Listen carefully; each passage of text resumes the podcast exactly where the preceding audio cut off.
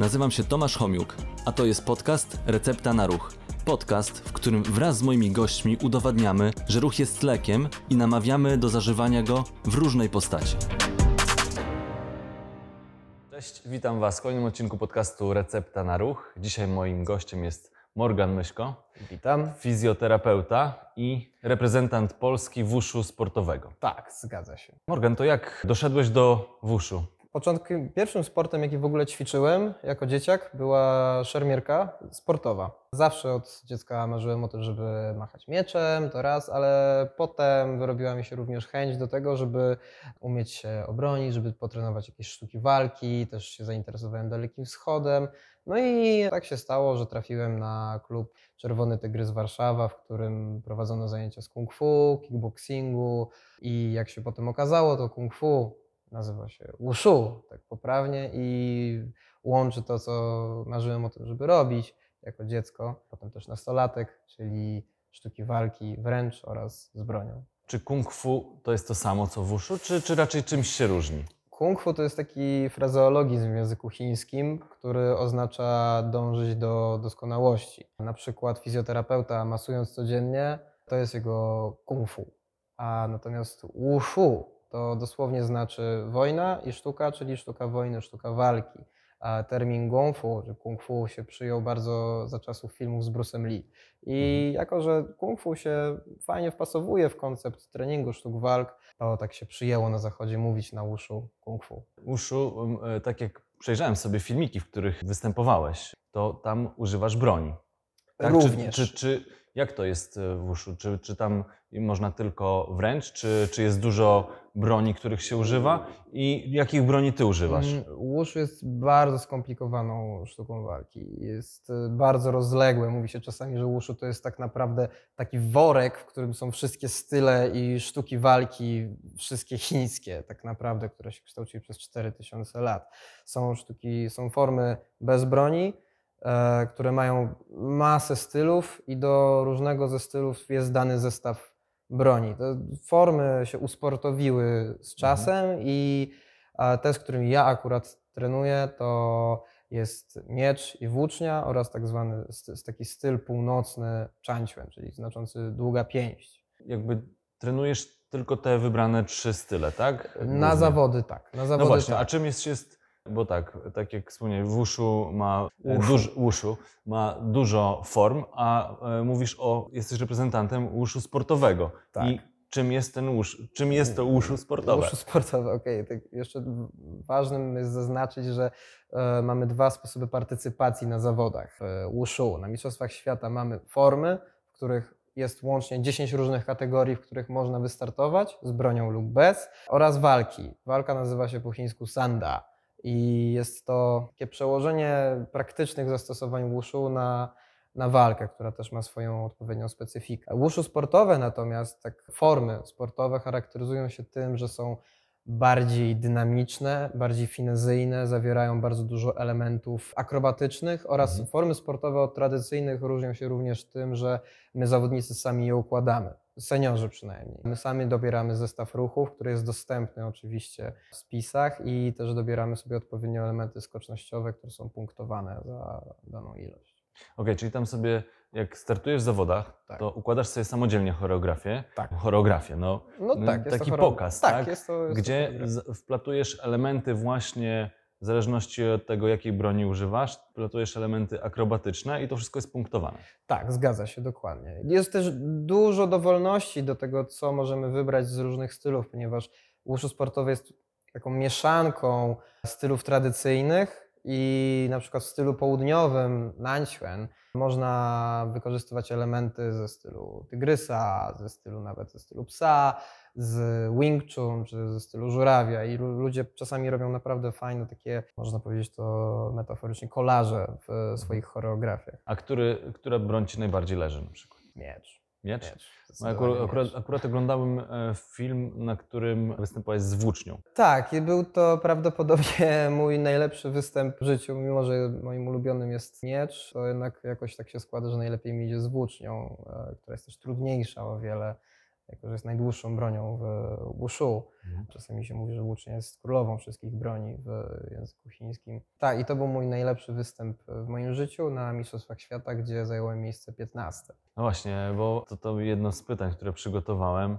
E, Gdzie występowałeś i oprócz tego sukcesu, który wymieniłeś, co jeszcze udało Ci się E, osiągnąć w tych sztukach walki? Więc To, moim zdaniem to jest moje największe osiągnięcie. Właśnie 15 miejsce na Mistrzostwach Świata. W Szanghaju, w Chinach w 2019 byłem wtedy na trzecim roku studiów.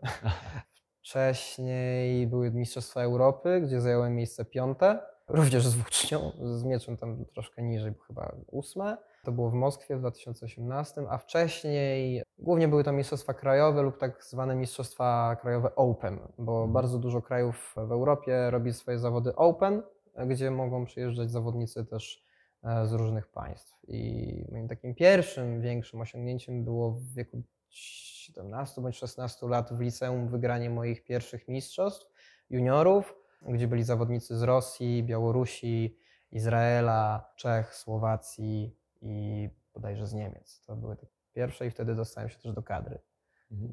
To jak dużo trenujesz? E, Ile w ogóle, kiedy już tak na poważnie rozpocząłeś treningi i teraz jak to wygląda? No bo to, to jest tak, że no nie zajmujesz się tym jako jedyną, jedyną formą tak na co dzień, tylko studiowałeś, pracujesz. Jak, jak, to, jak to łączysz wszystko? Zaczynając od początku, to pierwszy raz zacząłem tak poważnie dużo ćwiczyć właśnie jak dostałem się do kadry jako junior. Wtedy to było w pierwszej liceum. Trenowałem po 6-8 razy w tygodniu.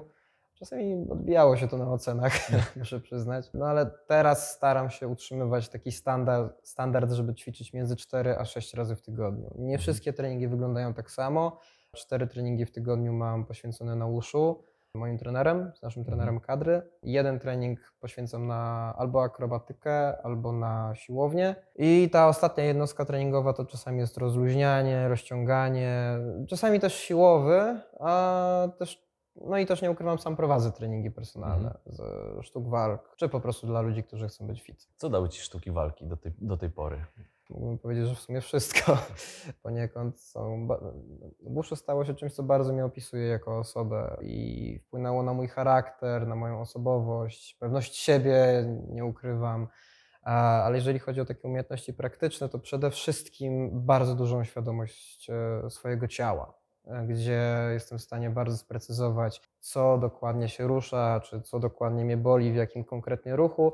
I wiedza z tego przydaje mi się w pracy y, jako fizjoterapeuta, ale również też jako, też jako kaskader. No i przede wszystkim umiejętności też samoobrony, bo to też ćwiczyłem, bo nie tylko ćwiczyłem formy, ale również takie tradycyjne zastosowania technik, więc to też mi dało, stąd też jakieś poczucie bezpieczeństwa, pewności siebie. No i tężyzna fizyczna i całkiem niezły zestaw fajnie wyglądających ruchów. Tak, to na pewno to, co robiłeś, y, przełożyło się też trochę na, na trochę, nie trochę, ale ta świadomość ciała, pewnie na to, co robisz w fizjoterapii, na zawód e, fizjoterapeuty i też z takich ciekawych chyba wyzwań, jakimi się, jakie się podjąłeś, to jako aktor, kaskader, gdzie grasz w filmach, czy tam twój, twój ruch jest Mhm. wykorzystywany do nagrywania filmów czy gier komputerowych. Jak te umiejętności, które wypracowałeś A, sobie podczas sztuk Okej, walki, okej. wpłynęły na pracę jako fizjoterapeuta Okej, na, i też na jedno na, i drugie. na właśnie Na do- motion capture i kaskaderkę. dokładnie. Dobra. Zdecydowanie wushu e, i moje umiejętności ze sztuk walk przydają mi się w pracy fizjoterapeuty, zwłaszcza przy pracy manualnej z pacjentem oraz przy tłumaczeniu i zaznajomieniu z ćwiczeniami. Było mi zdecydowanie łatwiej na studiach niż e, niektórym moim kolegom czy koleżankom ze studiów, ponieważ ja już wcześniej byłem zaznajomiony mocno ze sportem, z ćwiczeniami i tutaj ten, ten mój background mi dużo pomaga i pomagał już, e, już wcześniej. No, oczywiście tężyzna fizyczna przydaje się w pracy fizjoterapeuty, zwłaszcza jeżeli pracujemy z pacjentem neurologicznym na przykład, czy mamy dużo tej terapii manualnej do wykonania w ciągu dnia, to Mhm. jednak się to bardzo przydaje. Taką rzeczą, która naj, najbardziej chyba mi się przydaje w pracy, z której najczęściej korzystam, to to, że w łóżku jest bardzo dużo pracy na nogach, bardzo dużo pracy z własnym ciężarem, bardzo dużo przechodzenia z pozycji do pozycji. I to wykorzystuję mm, przy pracy manualnej, przy mobilizacjach stawowych czy wybieraniu na przykład trakcji. Wiele ruchów, których wcześniej się uczyłem, okazało się, że są bardzo zbieżne. Na Mhm. przykład przy wykonywaniu trakcji na szyję staję bardzo często w pozycjach w uszu, pozy- w- Tak, tak jak w uszu, dokładnie. Jeśli chodzi o pracę kaskadera, no to jest w ogóle inna historia, bo kiedyś tak mi tykło w głowie, że kurczę, chciałbym móc wykorzystać moje umiejętności w jakiś sposób kreatywny. Jakoś tak się złożyło, że natrafiłem na coś takiego jak motion capture. Pojechałem do Londynu na kurs z aktorstwa e, motion capture, bo tam były jedyne, które znalazłem najbliżej dla ludzi, którzy chcą się w ogóle tym zająć. No i nie ukrywam, że moja, że poza umiejętnościami takiego podstawowego aktorstwa, jak chodzić, jak się wczuwać w różne postacie, Łuszu jednak mi się przydaje właśnie ta świadomość ciała, e, że bardzo łatwo mi przychodziło nie wiem, wcielenie się w nagrywanie, nie wiem, smoka, zombie, wchodzenie w inną postać. No i przede wszystkim umiejętności sztuk walki jednak w kaskaderce się przydają do stworzenia chociażby sceny walki. Mhm. A jeśli chodzi o mock-up, to jakie, jakie postaci? A nie, może od początku, czyli czym jest mock-up, jak to wygląda technicznie, Mm. E, no bo ty doskonale wiesz, tak, czym jest, no, No tak. ale e, osoby, które nas słuchają czy oglądają, no, nie, nie, nie każdy wie, co to oznacza.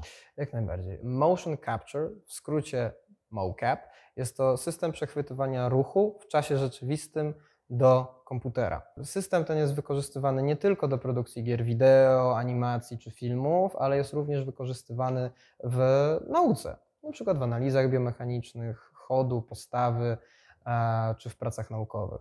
Polega to na tym, że jest się ubranym w taki bardzo obcisły strój z lajkry, na który są nałożone markery. Te markery odbijają światło podczerwone i wiązka tego światła podczerwonego trafia do wyczulonych na dokładnie tę długość fali kamer. Tych kamer jest różnie, w zależności od budżetu studia zazwyczaj. Są tak naprawdę grę już można za jakąś stworzyć, czy animację, mając cztery kamery. I to nawet może być z jakiegoś Xboxa Kinecta.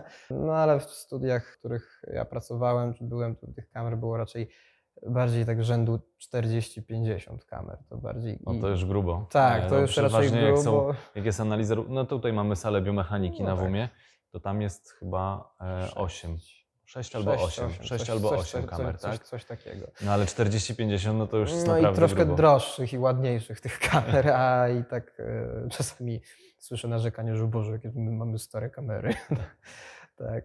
e, Ciekaw jestem, jak e, przy produkcji, nie wiem, Awatara czy Władcy Pierścieni, tak? E, Mm, Jak, Przy Władcy Pierścieni to wtedy to powstawało. dawno, to było dawno, tak. 2001 rok, kiedy była premiera Władcy Pierścieni, ale jeżeli chodzi o Awatara, to ja był, miałem przyjemność być w studiu, w którym kręcono na przykład Ironmana, Spidermana, Godzilla na przykład, gdzie kręcono tak zwane studiu Centroid, niedaleko Londynu.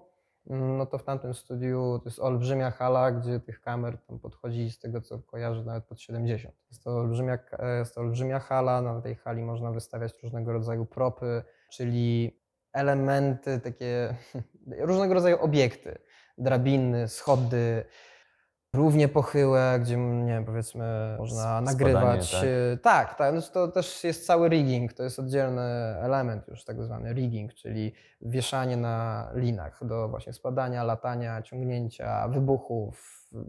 Naprawdę. Dzieje się tam. Dzieje się, dzieje się, tak. To A jakie postaci właśnie miałeś okazję grać z takich, może takich kojarzonych? Mm, Niestety postaci, które były kojarzone, no to takiej niestety nie miałem przyjemności Mhm. zagrać, które by się kojarzyły, bardziej produkty. Między innymi miałem przyjemność udzielać moich ruchów do gry Cyberpunk 2077 stu- od studia CD Projekt Red, znanego Mhm. przede wszystkim z Wiedźmina, w grze Ghost Runner, gdzie się wcielałem w główną bohaterkę, znaczy do dodatku, a główną bohaterkę i do paru nadchodzących rzeczy, o Okej, których nie mogę powiedzieć. Jasne, ale czyli filmy i gry, czy bardziej gry e, miałeś? Częściej gry, do filmu, jeszcze, a jeszcze do reklamy jednej, paru reklam mi się zdarzyło. Do filmu, początkiem w ogóle mojej kaskaderki było wystąpienie w filmie pełnometrażowym fanowskim o Wiedźminie, pół wieku poezji później. Był to mój totalny start, tak jak dla wielu innych osób, które teraz pracują w filmie, czy to jako reżyserzy, czy jako kostiumografowie. I tam miałem w ogóle swój jakby taki, taki, Debiut. taki, taki swój debiut. Umarłem tam cztery razy z, róż- z różnych e, pozycji, ale najbardziej gry, tak. E, Niestety jest to uzależnione tym, że w większości produkcji jednak patrzy się na fizjonomię i w większości w, do ról, które są związane z jakimiś upadkami, scenami walk, jednak trzeba kogoś większego, tęższego i z troszkę taką groźniejszą aparycją. Okej. Natomiast w motion capture mojej twarzy nie widać, nie Mhm. udzielam, udzielam tylko i wyłącznie swojego, Swojego ruchu. ruchu, tak, tak, tak, a tak. też motion capture pozwala na to, że ja będąc stosunkowo niskim mężczyzną, jak na nasze standardy, bo mam 1,70 m wzrostu, mogę zagrać kogoś, kto ma nawet i 2 metry. Mhm. Zale- różnica jest tylko taka, że nawet mogę z kimś wyższym poprowadzić dialog, gdzie jesteś wyższy ode mnie i mógłbyś grać, nie wiem, powiedzmy Hobbita, Mhm. ale ja mógłbym grać trolla. Kwestia jest tylko od przyjęcia postawy na szerszą i tego, że ja bym tobie patrzył w dialogu na stopy. A, No ty, tak, a to- ty byś patrzył się powiedzmy na Jasne, to punkt nad, nad moją głową. W postprodukcji tak, Tak. później jest zamieniana tak, postać. absolutnie tak. Na... Liczy się ruch, tak? Tak, To, co jest się- odczytywane tak. z czujników. Tak. Ile, ile czujników jest na ciele? Kiedyś pamiętałem tę liczbę, ale jest ich tak, rzutowałbym między 30 a 40. Na, na głowie jest ze 4, nie, 5 jest na głowie. Raz, dwa, no będzie tak z 30 parę. Okej, ale powiedz mi, czy sam ten strój, bo mówię, Mhm. z lajkry, tak? Obciskający plus te czujniki, to nie przeszkadza w, Nie, w tym ruchu? Jest, Nie? bardzo, to jest tak. Mhm. bardzo wygodne. No. Znaczy, zależy jak nalepią, są takie czasami malutkie niuanse, które bywają irytujące, jak na przykład zrobienie szpagatu, ponieważ ma się napięcie e, na, na kości piętowej, ma się po prostu marker i ciężko nogę Docisnąć, nacisnąć. ciśnie w... Tak, i na jednej sesji miałem wzdłuż kręgosłupa ułożone markery i wszelkiego rodzaju upadki na plecy. Skończyło się tak, że wróciłem cały poświniaczony po Mhm. prostu do domu.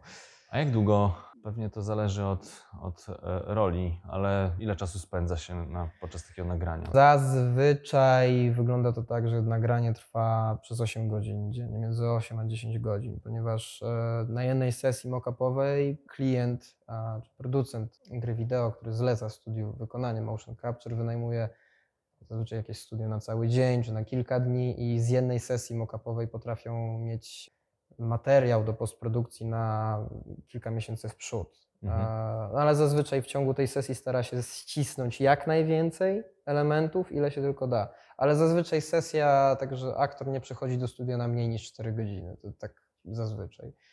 Tak jak dzień pracy. Raczej to jest cały dzień pracy. Podobnie jest też Okej, a tak jak pytałem Ciebie, czy sztuki walki przekładają się trochę do zawodu fizjoterapeuty, to czy właśnie tą analizę ruchu w fizjoterapii, coś w tym kierunku planujesz gdzieś tam iść, czy, czy korzystać z tego, czy, czy raczej to jest tak oddzielnie? Nie, absolutnie nie jest oddzielnie. Właśnie wybrałem fizjoterapię dlatego, że łączy się z moimi pasjami i zobaczyłem, że naprawdę fajnie, fajnie się to łączy i mogę wykorzystywać wiedzę z fizjoterapii w sztukach walki. Fizjoterapia, te 5 lat spędzone na, na WUM-ie bardzo mi otworzyły głowę na, na sport, na ruch, e, na fizjologię i fizjonomię ciała, na, przede wszystkim na biomechanikę.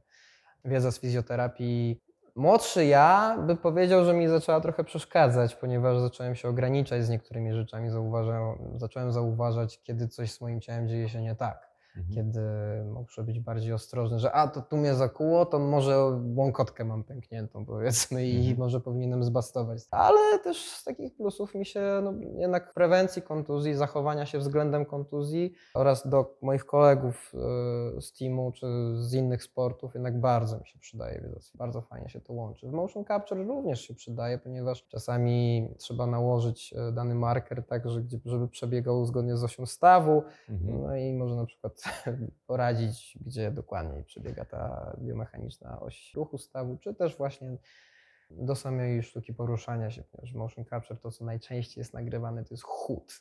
I Mhm. jednak ta wiedza z fizjoterapii, to jak ludzie mogą różnie chodzić, też się, też się przekłada.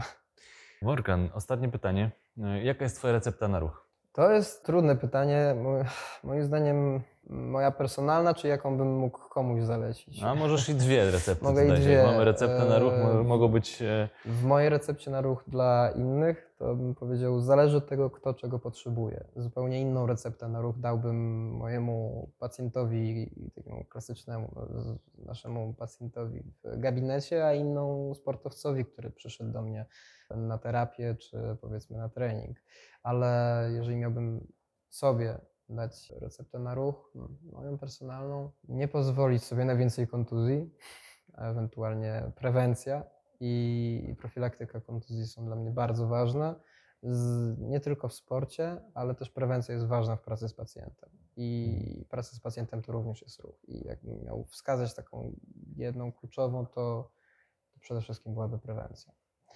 Co do innych rzeczy, robić to, co się lubi i robić to z głową, a jeżeli się nie wie jak, to pytać odpowiednich specjalistów i się do nich zwracać. Super. Ta recepta mi się bardzo podoba, tak? Czyli żeby nasze ciało starczało po prostu na dłużej. a Tak, tutaj tak. trzeba, czasami można samemu to zadbać, a czasami trzeba poprosić kogoś. Zgadza się, jak najbardziej. Morgan, dziękuję Ci bardzo Ja za rozmowę. Przypominam wszystkim, podcast w środę o godzinie 12. Od 2023 mamy co drugą środę, także zapraszam do słuchania, oglądania i komentowania. Dzięki, cześć. Bardzo dziękuję. Cześć.